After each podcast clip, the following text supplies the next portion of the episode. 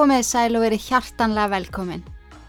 Í dag ætla ég að leifa ykkur að skyggnast inn í heim áskriftapakka ítlverk og leifa ykkur að hlusta á vinsælasta þáttinn sem að ég hef nokkuð tíman gefið út. Ég gaf hann út í februar áskriftapakkanum á þessu ári og hann vakti ansi mikla lukku. Í kjölfarið langaði mig að kynna fyrir ykkur ítlverk áskriftarleiðina sem hefur verið í bóðið síðan í mæ 2020 en þar eru yfir 60 auka trúkramþættir sem að þú getur fengið aðgang að, eittur og bingo. Kynni ykkur endilega máliðin á ítlar.is og ég vona ykkur finnist gaman að fá smá sneak peek með því að hlusta á þennan áskrifta þátt. En við getum ekki verið hérna án styrtaraðala en þessi þáttur er í bóði save.is og bílacustom.is. Ég mun segja ykkur betur frá starfsemi þessara dásenlu fyrirtækja setna í þættinum. Þessum þætti ætlum við að fara yfir mál sem að hefur verið á milli tannan á fólki í áratugi. Hvað kom í raun og veru fyrir á heimili hinn að ríku Menendez fjölskyldu? Oft þegar maður skoðar eldri mál byrðast þau svo klift á skorin. En ekki þetta tiltekna mál. Því meira sem maður skoðar það, því áttavildari verður maður eitthvað neginn. En það virðist ímislegt í málinu ekki hafa verið skoða nægilega vel og ekki gert nægilega góð skil. Allavega ekki fyrstum sinn. En við skulum skoða aðeins hérna í dag.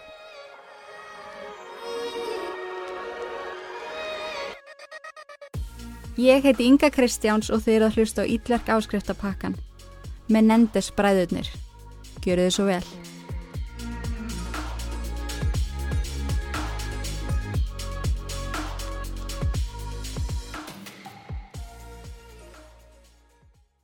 Ég ætla að byrja á að henda einni setning út í kosmosin sem að ég hef ekki náð út úr hausnum síðan ég heyrði hana fyrst. En hún er svona. One kid kills their parents. It's a bad seed. Siblings killing their parents.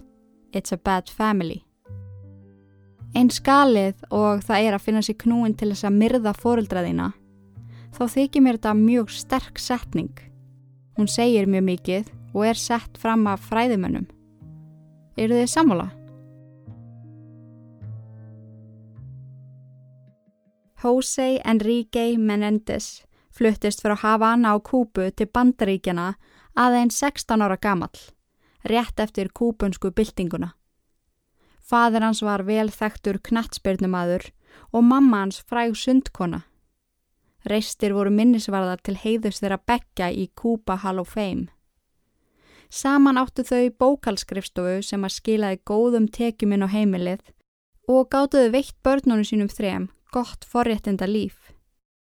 Þegar Fidel Castro steifti stjórninni af stóli og tók í kjölfarið eignir auðmanna og efrið miðstjættar, misti fjölskylda Jose allt. Þess vegna fór hann til bandarækjana, ásamt systrum sínum tveim. En ekki fjall eplið langt frá eiginni. Jose var sjálfur afræks íþróttamaður og fekk hann íþróttastyrk. Hann gekk í Southern Illinois háskólan þar sem hann kynntist verðandi eiginkonu sinni, Mary Louise, sem var alltaf kölluð Kitty. Þau giftu sér fyrir tvítugt og fluttu saman til New York, þar sem að Jose kláraði bókaranám. Planið var að feta í fótspór fóröldra sinna og opna jafnvel eigin bókalskrifstofu í New York. Þann 10. janúar kom í heiminn fyrsta bann hjónana, Joseph Lyle Menendez, sem var alltaf kallaður millinafninu sínu.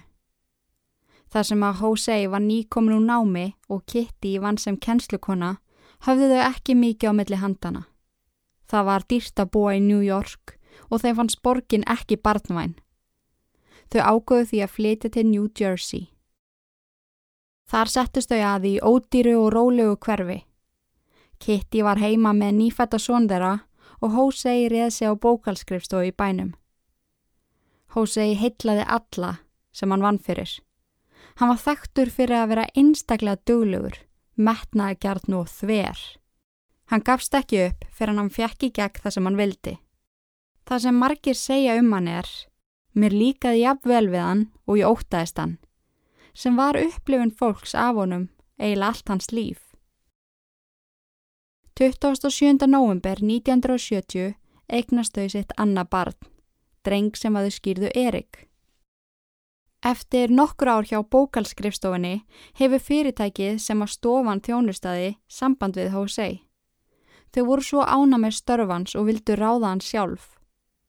Hann tekur starfinu og eftir þrjú ár þar er hann orðin forseti fyrirtækisins.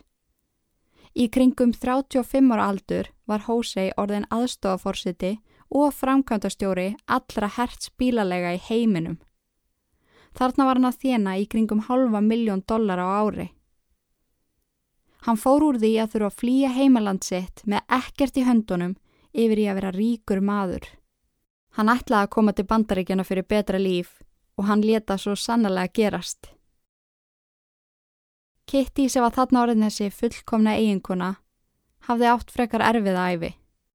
Pappi hennar var ofbeldisneiður og drikkveldur. Mamma hennar hafði lítinn sem engan áhuga á henni. Hún ólsti upp í miklu reyðileysi. Hún og Hósei giftu sér fljótlega eftir að þau kynntust. Þrátt fyrir að foreldra þeirra begja væru á mótið í. Sögðu að það meikaði ekki sens því að þau voru úr sitt hverju menningaheiminum. Þau voru allt og ung og svo framvegs. En þau vildu gifta sig og eins og Hósei var með allt, þá gerðan það sem hann vildi. Fyrstu árin í hjónabandinu vann Kitty sem grunnskólakennari en hún hætti því starfi eftir að sinir hennar fættust. Erik og Læl fór í engarekna skóla, fengi að taka þátt í öllum þeim íþróttum sem að þeir vildu og fóru í flottustu sumabúðunar. Þeir fundu sér svo íþrótt sem að þeir hafðu báðir gaman af, sem var tennis. Þeir spiluðu stanslust. Hvort en það var heima á enga tennisvellunum þeirra eða á sveitaklúpnum. Pappið þeirra réði fyrir þá þjálfara og voru þeir taldnir mjög efnilegir í íþróttinni. En Jose, eins metnaðafullur og hann var, leiti ekki á þetta sem on the side áhuga mál hjá drengjónum. Hann vildi að þeir færu alla leið með þetta. Þeir átt að keppa á öllum mótum sem voru mögulega í bóði, æfa fyrir og eftir skóla, laugadaga og sunnudaga og hann sáti þess að þeir ættu allan helsta búnað og allt sem var í tísku hverju sinni. Þjálfari drengjana segi setna meira að Hósei hafi verið algjörlega hræðilegur á æfingum. Hann muni aldrei gleima því hvernig hann öskraði á strákana. Þeir varu auðmingjar ef að þeim gekk ítla. Þeir yrðu að keira allt í botn. Ef að æfingin gekk yfir höfuð ekki vel, dróðan þá út í bíl og öskraði á það á meðan. Jose hafði þarna gert sig grein fyrir því að sinir hans væru ekki þeir sterkustu í bóklöfum fögum, en þeir voru góður í tennis og þess vegna vildana þeir gerðu sitt allra besta. Þeir myndu ná eins langt og þeir mögulega gátu. Hann gaf þeim ekkert eftir. Hann vildi líka að þeir bæru sig vel og kemur vel fyrir, hefðu vita á pólitíku og gætu heitla aðra, líkt og hann gerði. Árið 1988 flutti fjölskyldan til Calabanas í Kalifornia. Þar komu þau sér vel fyrir í tveggja heiða glæsi hísi. Það var fyrst þarna sem að Menendez fjölskyldan gatt sínt hversu rík þau voru. Fyrir utan stóðu nýjustu bílanir. Fjölskyldu meðlemið gengu um í nýjustu merkjavörunum. Hósei fannst hann loksins vera komin á þann stað sem hann alltaf þráði. Hann ætlaðist í auðvitað til þess að sinir hans og eiginkona hegðuðu sér eftir því. Erik var 17 ára og Læl 19 ára þegar fjölskyldan flutti til Calabansas. Þeir nutu auðvitað þeirra forréttinda sem að þeir lifðu við, en þessu öllu saman fylgdi líka mikil pressa. Það eina sem að þeir máttu gera í frítíma sínum var að hanga á sveitaklubnum eða The Country Club þar sem aðrir einstaklingar með svipaða fjárhægi og menendisfjölskyldan hjekk líka. Þeir urðu að haga sér á vissan hátt. Fadir þeirra þurft að samþykja hvaða fólk þeir umgengust og hvaða stelpur þeir hittu. Það var mjög mikilvægt að þeir yrðu hósei ekki til skammar. Maður getur því rétt ímynda sér reyðina og skömmina sem fylgdi því þegar strákarnir voru handteknir fyrir imbrott og fyrir það að stela bíl. Ég er ekki 100% vissum hvort að þeir hafi verið báðir í þessu en sumstað les ég að þeir hafi báðir tekið þátt í þessu og annar staðar bara einn þeirra. En þeir kynntu sér sagt hópi drengja í skólanum sem að áttu svipa líf og þeir. Höfðu allt sem að þeir þurftu, nóa peningum, bíla, född, reysastór og falli heimili og þeim í rauninni leittist bara í lífinu. Þeir brutust inn á heimili nágranna sinna og tóku skartgripi. Í rauninni bara fyrir spennuna. Þeim vanta eitthvað aksjón í lífið þar sem að þeir fengu hvort sem er allt upp í hendunar. Þegar þeir voru svo gripnir varð Hósei berjálaður. Ekkit endilóta glæbonum per seg, heldur fyrir það að þeir náðust. Hann kallaði þá heimska fyrir að láta ná sér og refsaði þeim heftalega. Hósei krafðist þess að Erik, sem var ekki orðin átjónóra, tækið þetta allt á sig og líja lauruglu að Læl hefði ekki komið nálagt þessu. Hann vildi ekki að það kæmi niður á háskólagöngu Læl. Hósei greitti svo umbeðna uppæð og notaði samböndsvín til þess að halda Erik frá því að þurfa að setja inni eða sinna félagstjónustu. Hann í rauninni notaði völd sín til þess að þurka hann atbyrð görsanlega út. Til að endalega ganga úr skugga um að enginn bæri kula til fjölskyldunar fór hann persónulega heim til þeirra einstaklinga sem að Erik rændi af, skrifaði ávísun fyrir tjóninu og baðst innilegar afsökunar. Ekkert mótti eiðalegja nær líta laust orðspor sem að fjölskyldan hafði byggt upp. Flest börn hefðu fengið fyrir þetta fangelsistóm, en það eina sem að strákandi þurftu að gera var að hitta sálfræðing reglulega. Erik hjælt áfram í mentaskólanum í Calabansas en Lyle fekk ingöngu í Princeton University. Enganir hans voru ekki nærðu því nógu góðu til þess að fá ingöngu þar en tennisferillin hans var metinn og mögulega spilaði inn í dágóður fjárstyrkur frá föður hans. Lyle gekk strax mjög ítla í Princeton. Hann fekk alla þá auka kjenslu sem var í bóði sem að hjálpaði ekki neitt.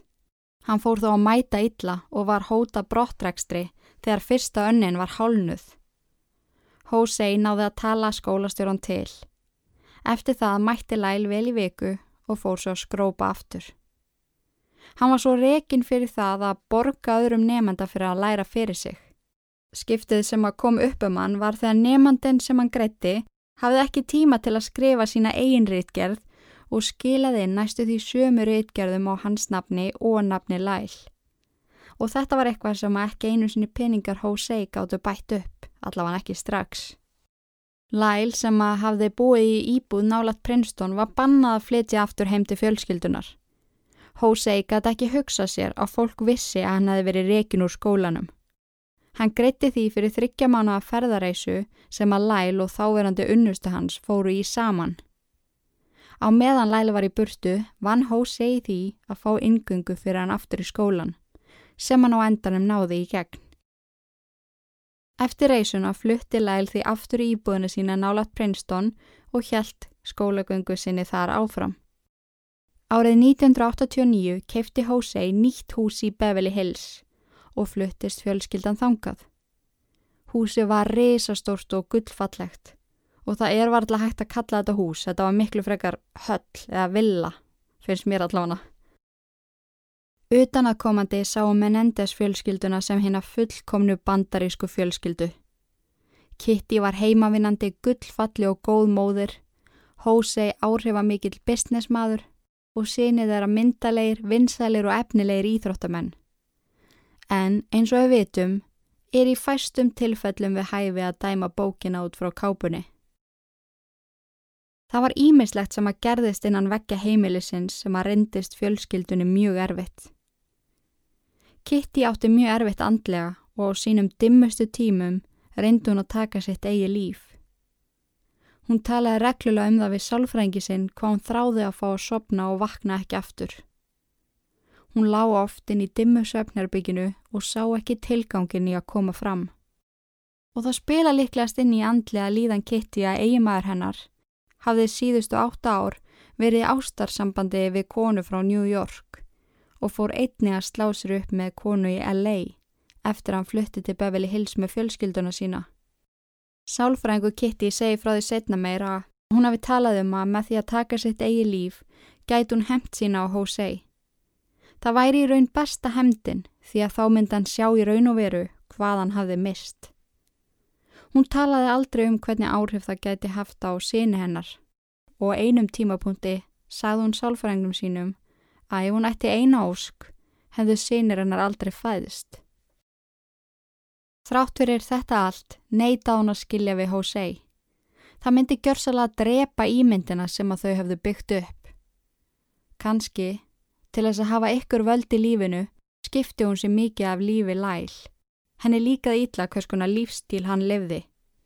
Hann var þekktur playboy í Beverly Hills. Deitaði margar mismunandi konur, hver annari glæsilegri. En Kitty var svo endala nóg bóðið þegar hann trúlofaði sér konu sem var nokkrum árum eldri en hann. Saði að hún myndi aldrei passa inn í fjölskylduna. Í sálfræði tímanum sínum tala hún eiginlega aldrei um Erik en var gjörsanlega með líflæl á heilanum. Hlutirnir urðu svo ennverri og hræðilegri þann 20. ágúst 1989.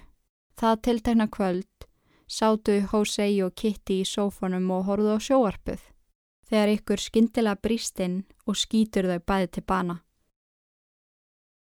21 ás gamli Lyle og 18 ára gamli Erik voru ekki heima þetta kvöld en þeir ætluðu saman á nýjustu Batman myndina og eftir það ætluðu þeir á Food Festival.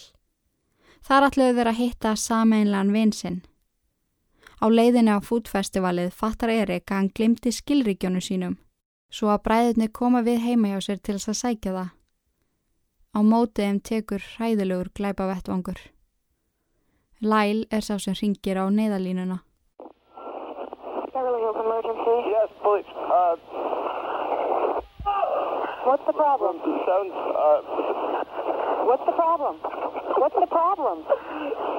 someone killed my parents. Pardon me? Killed my parents. What? Who? Are they still there? Yes. The people. No, What? no, no. Were they shot? Hey, man, kill.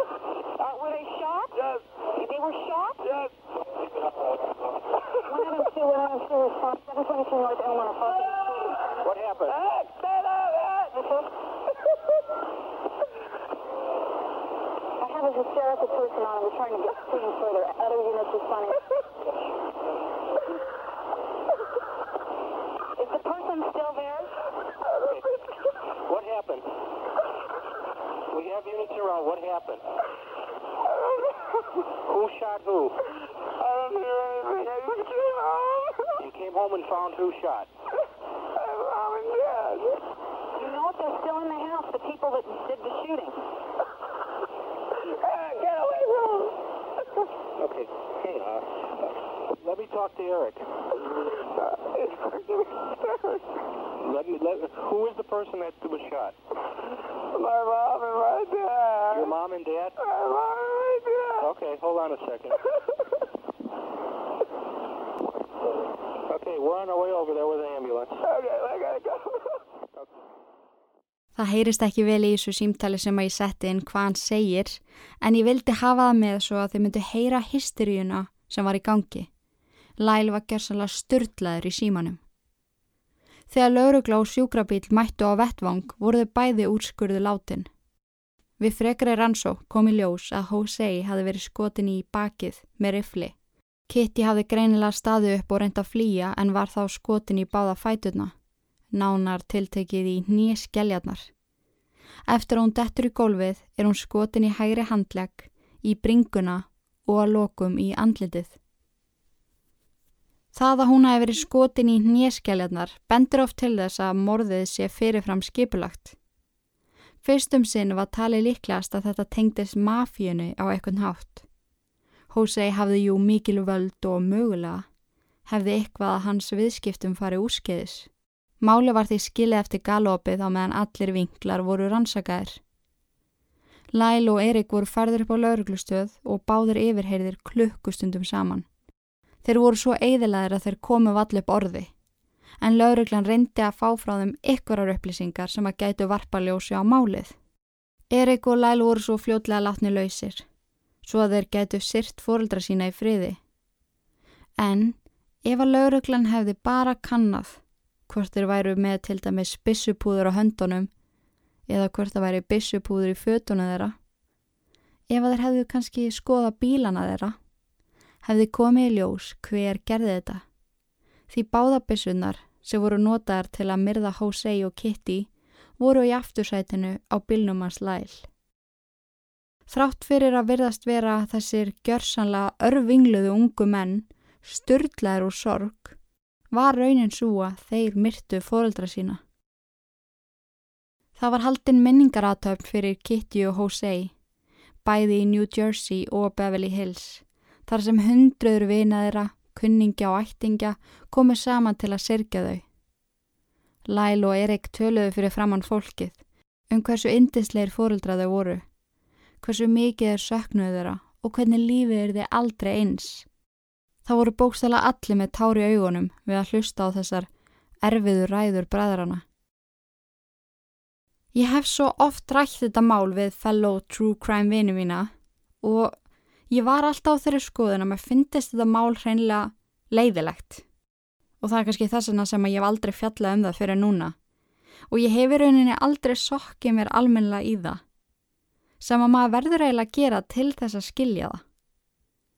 Þetta er vissulegt umtalaðasta málið í sögu bandaríkjana og ólíkt öðrum frægumálum eins og til dæmis mál O.J., Black Dahlia, John Benet Ramsey, þá er þetta ekki ráðgáta.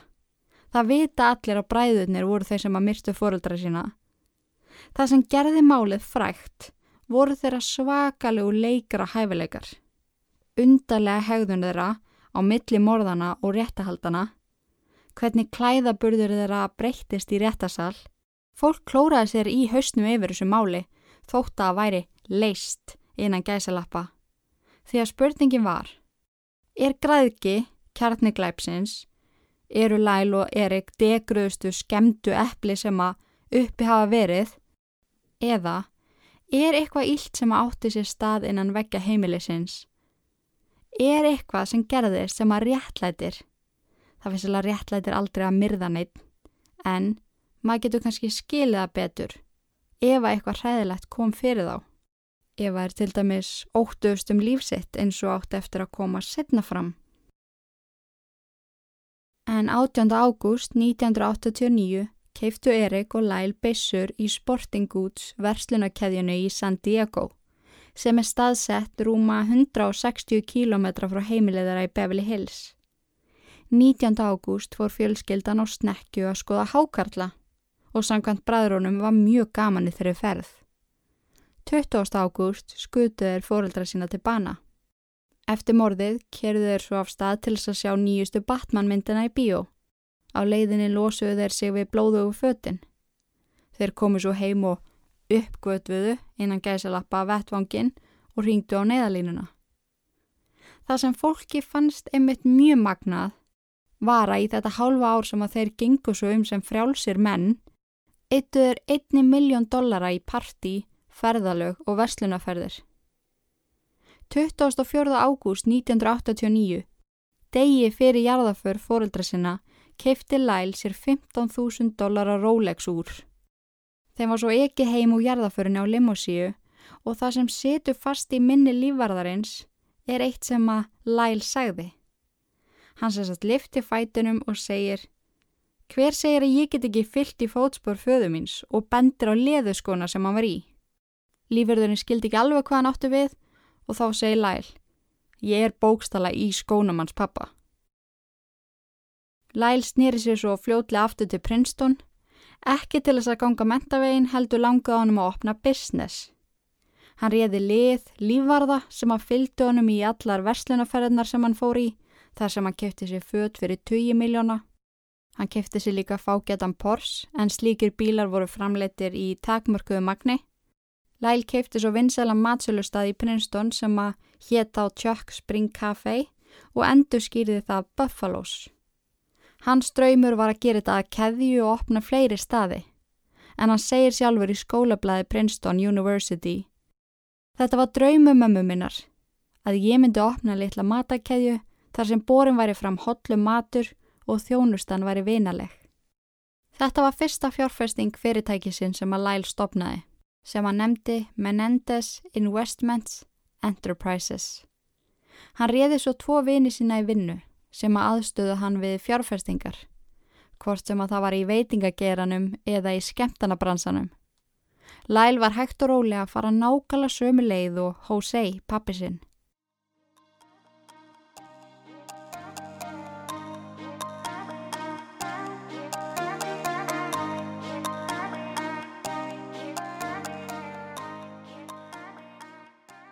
Þessi þáttur er í bóði save.is. Hver fjárun er það spyriði kannski? En Save er íslenskt fyrirtæki sem að framleiðir tannkvíttun á vörur. Þú ert ekki lengur að pantaði tíma hjá tannleikni til þess að fara þar í tannkvíttun eða fara á sérstakar tannkvíttun á stofur. Þú getur algjörlega séð um þetta sjálfur heima hjá þér. Ég er núna að taka kúr nr. 2 en það er mælt með því að þú takir 7 dagar rassíu, svo pásu og svo getur framkvæmt meðferðina aftur eftir þann tíma. En ég sérst að klára prógram nr. 2 og tennuna mínar eru farnar upp um fjögur byrtustig. Mér minnir að það hafi verið í þrem síðast því ég talaði við ykkur. Ég mæli svo innilega með því að skoða úrvaliðin á save.is. Kvíta stellið aðeins fyrir sumarið. sa2e.is Þátturinn er einni í bóði bílacustom.is Nei sko, ég elska dótið sem er til söluðaðna. En eins og nafni gefið til kynna eru þetta hlutir fyrir bílinn. Hlutir sem maður fattar ekki beint að maður þurfi, en svo þegar maður eignast á, hugsa maður, wow, því líku game changer. Það er til dæmis hægt að fá símahaldara, meðhleðslu, haldara fyrir glös og flöskur sem að þú getur annarkvort notað til að hita eða kæla og fallstopparinn. Býðið aðeins.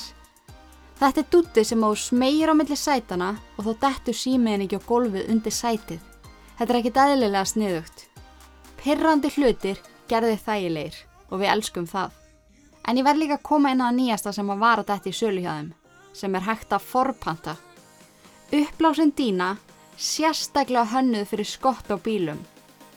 Þú leggur niður sætin, blæst upp dýnuna og hendur henn inn. Liggur svo í faðumlegum og horfur á sólsetrið. Kíkja á bílacustom.is. Þeir lofa þér betri axtus upplifun. bíla-c-u-s-t-o-m.is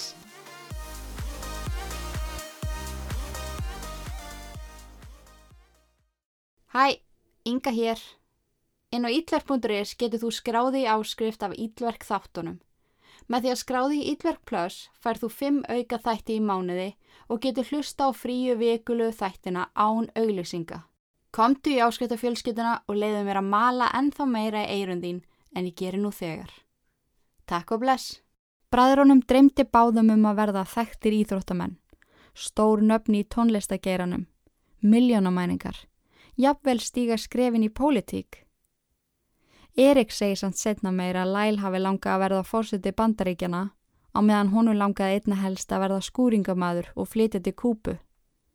Fadir hans var fættur uppalinn á Kúpu og segir Erik að hann vilji alls ekki lifa lífi sínu fyrir föðu sinn. En innst inni vilja hann það samt. Honu líði, þótt hann sé farin, eins og hann sé innra með sér að íta á hann. Þrátt fyrir allar þessa breytingar í lífi bræðrana var þó eitt sem að þeir gerðu enþá alveg eins og það var að hitta sálfræðingi sinn, doktor Jerome O'Sell. Eins og maður kannski finnur og heyrir í gegnum allt þetta mál var Erik viðkvæmari en læl.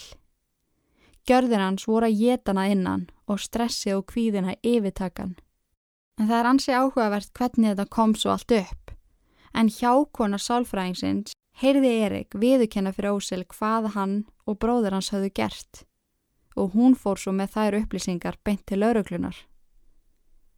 Lyle var handtekinn 8. mars 1990 grunaður um morðið á fóröldru sínum en á þessum tímabúndi hafði laurugla útiloka að mafjan eða eitthvað annað þvíumlíkt væri valdur dauða Kitty og Jose.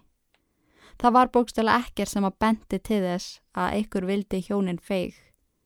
Í rauninni, einu manneskirnar sem höfðu einhvern kvata til þess að myrða þau, voru bræðurnir.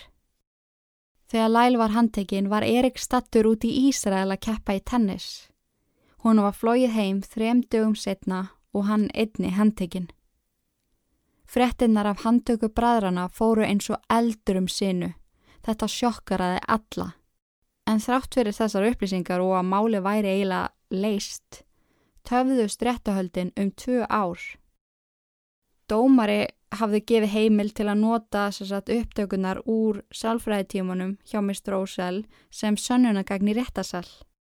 Eitthvað sem að lögmenn bræðrana áfríuðu. Baráttan um þessar upptökur dróðust í rúma 30 mánuði þar til hæstiréttur Kaliforníu greip inn í. Kviðdómur í réttahöldum Erik komist ekki að niðurstöðu og sama kom upp á með kviðdóm í réttahöldum Læl. En málið var því tekið upp aftur og í setni réttahöldunum komu fram upplýsingar sem að enginn hafði heyrst áður. Lögfræðingu bræðrana, Leslie Abramson og hennar lið helduði fram að Lyle og Erik höfðu verið misnotaðar af föðu sínum í æsku og þarna tók allt saman mjög snara uppeygu. Abramson, sem var þekktur að vera þessi valdamikli og orkumikli lögfræðingur, hvattist rákana til þess að segja sína sögu. Það var í komið nóg af þessari þöggun. Hún hjálpaði þeim að lýsa í réttasal, grimmilegum og stanslausum kynferðislegum árásum sem að stóðu yfir alla badnasköðura og langt fram á úlingsár. Nokkrum vikum fyrir morðin höfðu bræðunni fengið nóg. Þeir ákvaða að setjast niður með föðu sínum og segjunum að þeir ætlaði að fara með það sem hann hafi gert á ofinbyrjan vettvang. Allir myndu fá að vita það að hann hefði misnóta á báða.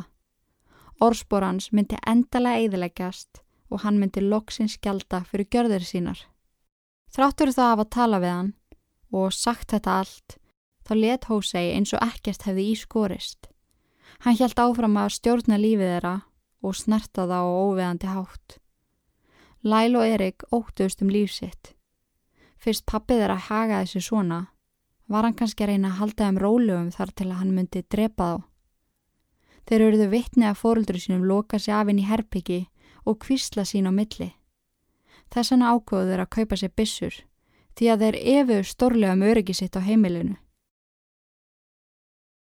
Árum saman hafði almenningur sem að fyldist með þessum réttahöldum hata bræðunar. Kallaða ofdegraða morðingja. En núna fann fólk virkilega til með þeim. Annarkort voru þeir svona rosalega góði leikarar eða þetta gerðist í alverunni. Því að ángríns maður grætu með þeim þegar þeir eru að lýsa í sem að faðið þeirra gerði þeim. En vandamáli var, hvernig óskopunum var hægt að sanna orðin þeirra. Gerandin var dáin og það voru engin sönnunagögn. En fljótlega breyttust réttuhöldin úr því að snúast um morð og fóru munfrekar að snúast um kynferðislega ofbeldið og í raun hafi drenginir gert þetta allt saman í sjálfsvörð réttahöldin og málið allt gjörsamlega sprakk. Allir fyldust með, allan daginn, alla daga. Sumir fannst þetta hlægilegt. Sumir meira að gerðu grína bræðrunum á meðan þeir lístur hæðilegum gjörðum föðu síns. Saturday Night Live tók líka málið fyrir. Þar sem að eitt stjórnandi þáttana byrtist á skjánum í fölblári háskólapeisu og skirtu innanundir. Eitthvað sem að þeir voru alltaf í réttahöldunum og gritti sér eins og bræðurnir. Hann hemdi svo eftir því hversu ófrýðir þeir urðu í framann á meðan þeir gretu. Fólki fannst þetta fárulega fyndið, því að staðrendin var svo. Sumum fannst þetta núl trúverðugt og einmitt hlægilegt ef eitthvað er. Þegar doktor Ósíel vitnaði sagðist hann aldrei hafa heyrt af kynferðislu og ofbeldi. Hann hafi oft heyrt um andlegt og líkamlegt en ekki kynferðislegt. Fólk veldi í fyrir sér. Af hverju sögður ekki sálfræðingnum sínu frá því? Af hverju skildu þeir þann part út undan?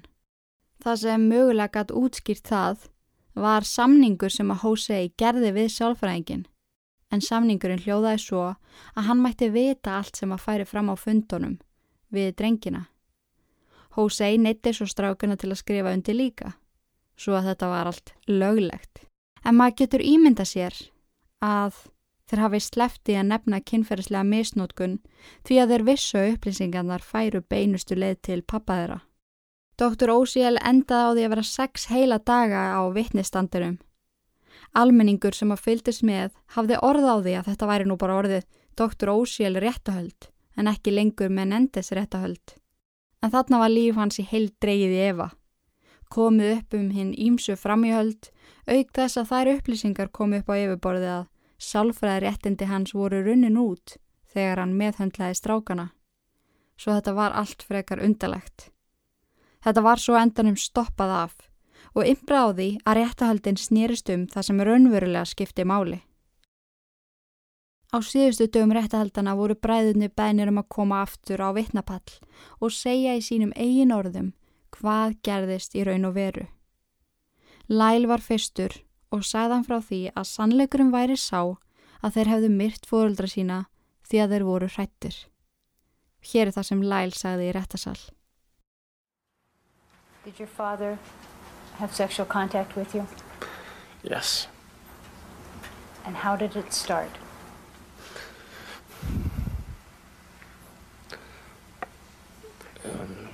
Just started with, uh, after sports practices, he would massage me. And uh, it- we would have these talks, and he would show me, and he would uh, fondle me, and he would ask me to do the same with him, and I would I would touch him, and we would undress. Um, just became more involved. Um, What do you mean more involved? um, we would be in the bathroom and uh, um, it would he would put me on my knees and he would guide me all my movements and I would um, uh, have oral sex with him. Did you want to do this?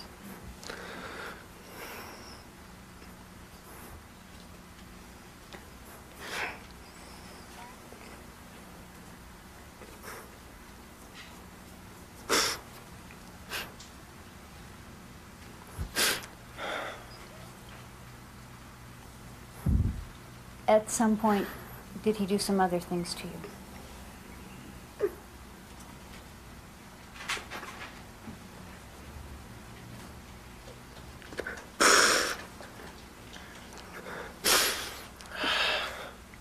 Yes.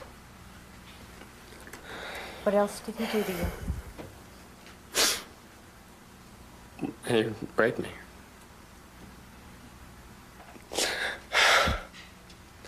And he said that he didn't mean to hurt me. And he loved me.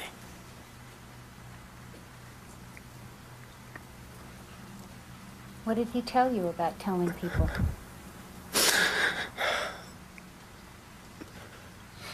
He just said that it was our secret. That bad things would happen to me if I told anybody.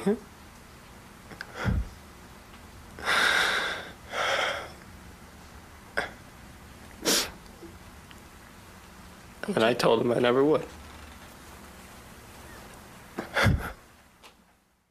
Það er erfitt að horfa á Læl og hugsa djöfusins legari. Frásögnin virðist svo rá og hræðileg og maður finnur svo innilega til með honum. Hér er svo það sem að Erik segir, sem á ennþá erfiðara með að segja frá æsku sinni. Uh, the Eric Menendez defense, Your Honor, calls Eric Menendez. Well, I wanted to be liked as much as Lyle. What do you believe was the originating cause of you and your brother ultimately winding up shooting your parents? Um, me telling, You telling what? me telling Lyle that, uh, You telling Lyle what? Was it you telling Lyle about something that was happening? my dad,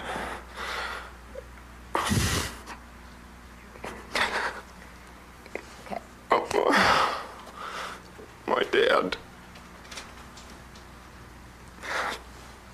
Your Honor, can I ask a leading question? my, If you don't uh, ask. my dad, Wait one second, Mr. Menendez. Okay, let me ask. No, no, he was in the process of answering, so there's no need to ask it. Can you answer the question? yes, Okay, it was you telling Lyle what? my dad had been molesting me. He would stick things in me as he was giving me oral sex, or at times he would just sit on the bed with his legs up, uh, um, spread, and with his back to the to the back of the bed and he would have me give him oral, me oral sex and he would stick the needles or the tacks into my thighs uh, as he was doing this. Were there times when, following one of these episodes with your father, you'd be crying? Yes. Did your mother ever come upon you when you were crying? Uh, sometimes after these, I'd have to go downstairs to dinner um, or afterwards, and she would come when she'd see me crying. And, uh, Did yes. she ever ask you, Eric, what are you crying about? No. Would she ask you that sometimes if you were crying and it had nothing to do with sex with your father? Yes. And what would she say, if anything, to you when you were crying following these episodes with your father? She would say, "Do what I told you to do." What did you tell? What had she told you to do? She she taught me how to hide my tears and to uh, not cry. And if I was crying, she taught me how to get rid of the tears. I just wanted more than anything else uh, that when I died, that no one would find out that this was happening to me. Það voru þessa frásagnir sem að fjekk fólk virkilega til að hugsa. Vá, þetta gæti í alvörunni verið rétt. Lyle segist það að verið kynferðislega misnótaður í þrjú ár eða þar til að hann var tíu ára gamall. Það hafi svo allt í hennu hætt. En þá hafði pappans fært sig yfir til Erik sem var þá átt ára gamall. Misnótkunnin á honum átti sér stað þar til að hann var 16 ára gamall. Það sem að endalega snýri þeim við sem að trúðu ekki við var þegar Lyle útskýrir í beitni útsendingu fyrir framann miljónum manna hvað hann gerði við bróðu sinn. Did you do something to your brother? Yes. What did you do to your brother?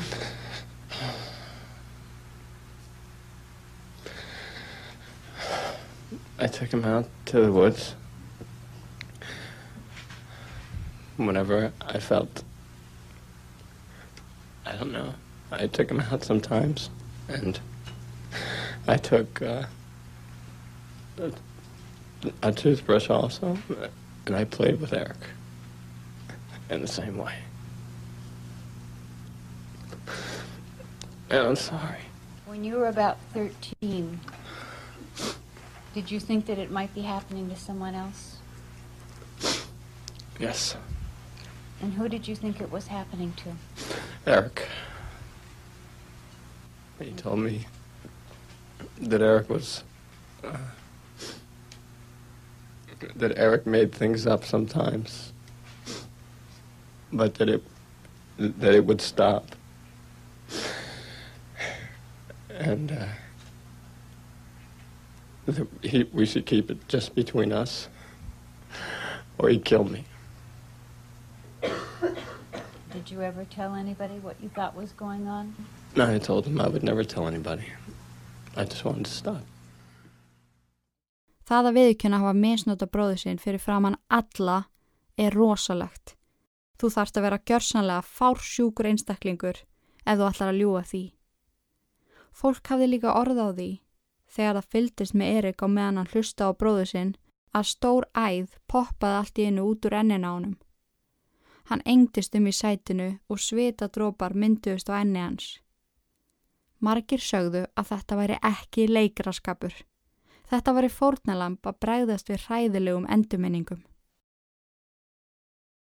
Erik heldur fram að þetta sé allt honum að kenna að þetta gerðist allt saman. Það sé hann sem hafi uppljóstrað lindamálinu. Þetta hafi byrjað vikuna áður þegar Kitty og Lyle rifust heiftalega. Rifurildið endaði með því að Kitty rýfur hástekki af sinni sínum sem að Erik verður vitni af. Hann fekk sjokk. Hann hafði ekki hugmyndum að Lyle gengi með hártopp en hárið hans hafi farið að þinnast heiftalega og Hosei skipa honum að ganga með hártopp. Hann vildi alls ekki að hann rakaði sér hárið því þá væri hann ekki að frambærilegur og myndalegu maður. Lyle ríkur inn í herbyggi fullur á skömmi við því að bróður hans hafi orði vitni af þessu. Erik fer inn til hans og sest á rúmið þar sem að Lyle liggur. Þeir enda á því að eiga margra klukkustunda tilfinningaríkt spjall þar sem að Erik meðal annars deiliði með bróðu sínum hvað Hosei hafði gert og í kjölfarið segi Lyle að pappið þeirra hafi líka misnotað hann.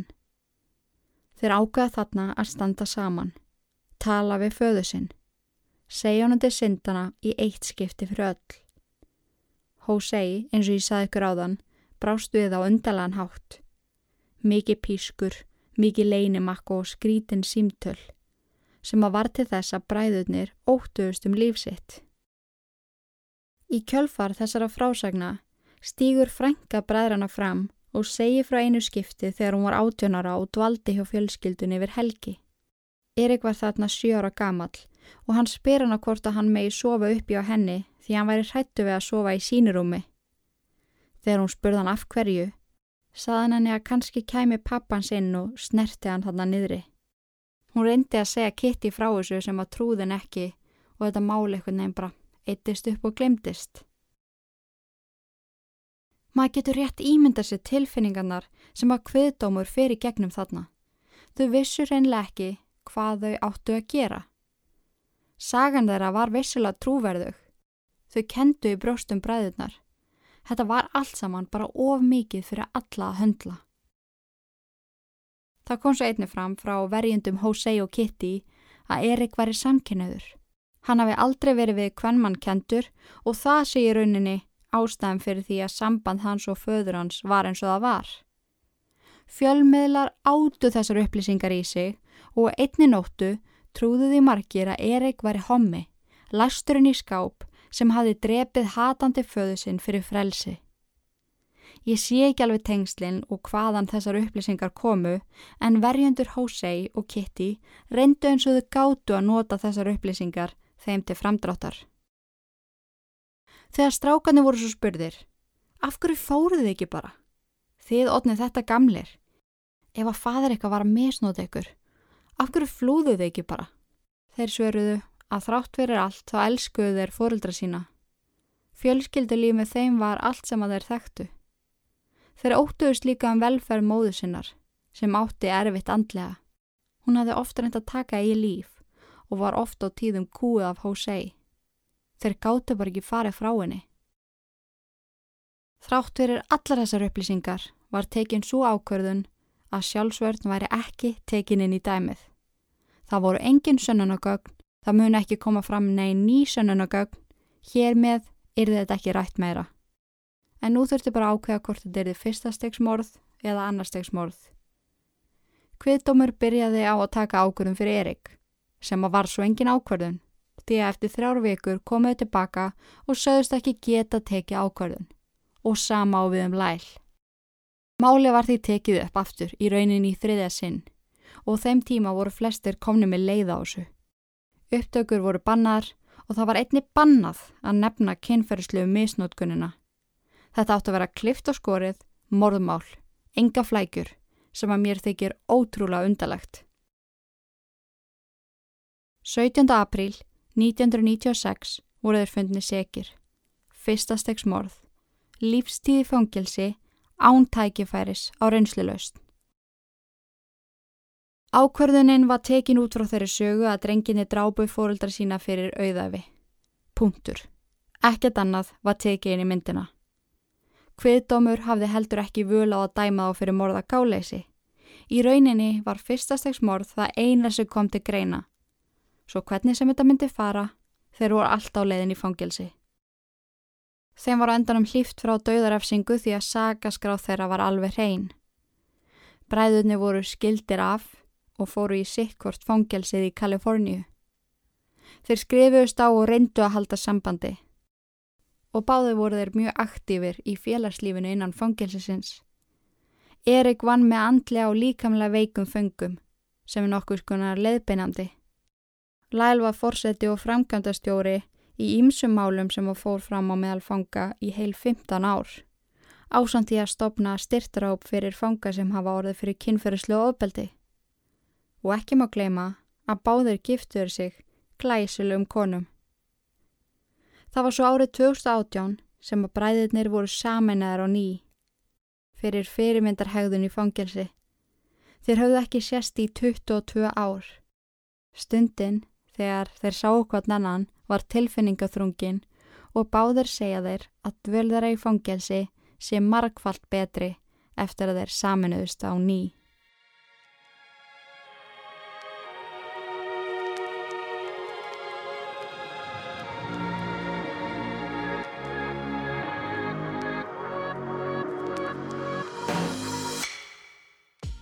Ég hef lært svo sjúkla mikið nýtt um þetta mál og ég verða viðkynna að ég veit ekki alveg hvar ég stend með þetta.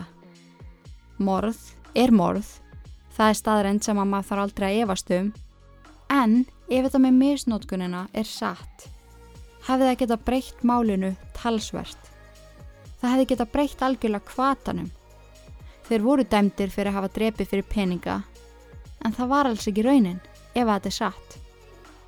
Þeir vissulega höguðu sér fáralega með að eigða öllum þessum peningum, en kannski var þeim bara sama.